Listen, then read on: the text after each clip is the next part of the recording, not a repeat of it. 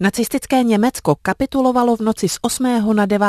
května 1945 a v Praze se slavilo.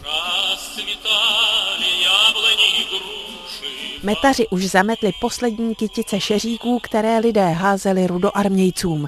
Celý svět se už čtyři dny radoval, že válce je konec. Městečko Milín se zatím topilo v krvi.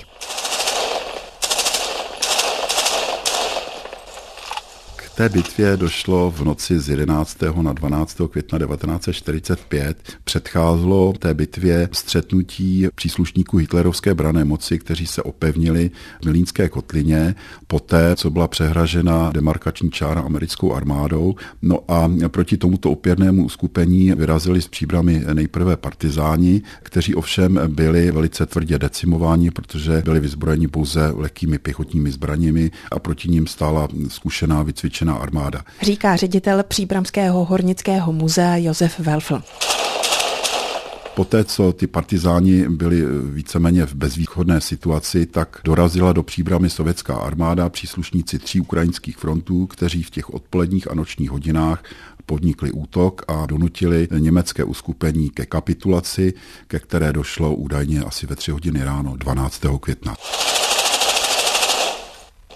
Kromě toho v tomto prostoru se střetli s německou armádou také jednotky takzvané Vlasovovy armády, příslušníci ROA, a to bylo ve dnech 9. a 10. května, kteří rovněž bojovali o tu ústupovou komunikaci směrem na jeho západ. No a z toho směru jeho západního a západního se do těchto bojů zapojili příslušníci americké armády, konkrétně 4. tankové divize. Do bojů se zapojili i čeští vlastenci. Milínský kronikář Josef Vostarek má na tu dobu hrůzostrašné vzpomínky. V té době mu bylo pouhých 8 let. My jsme tady vlastně prožívali v těch posledních hodinách, kdy se válčilo v tom 11. květnu s tátou a s mamám smutné chvíle ve sklepu, kde jsme byli schováni, nevěděli jsme, co se děje, střílelo se, dunělo, z kránu staly rány a stojíme v místech, kde z vrchu Běle vycházela vojska No a přicházeli rudoarmějci, kteří vlastně byli takovou první domenou toho osvobodujícího území tady na Milínsku. Jak to tady vypadalo, když jste z toho sklepa vylezli s rodinou? Plno to údolí, tady co před námi leží, byly vraky, zbraně. Dozvídali jsme se potom, že i byly oběti milínských občanů.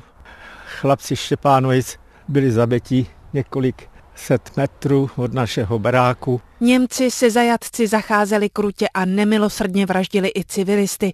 Nacistické běsnění připomíná památník ve Slivici Milíně, ale také desítky pomníčků v okolí. Uvádí se, že jednou z těch posledních obětí druhé světové války v boji o tu přístupovou komunikaci byl legionář z první světové války Josef Sládek z Chraštic dolů, což je vesnice kousíček za Milínem který měl být zastřelen dávkou z německého kulometu 12. května asi v 6 hodin ráno. Bára Kvapilová, Český rozhlas Region.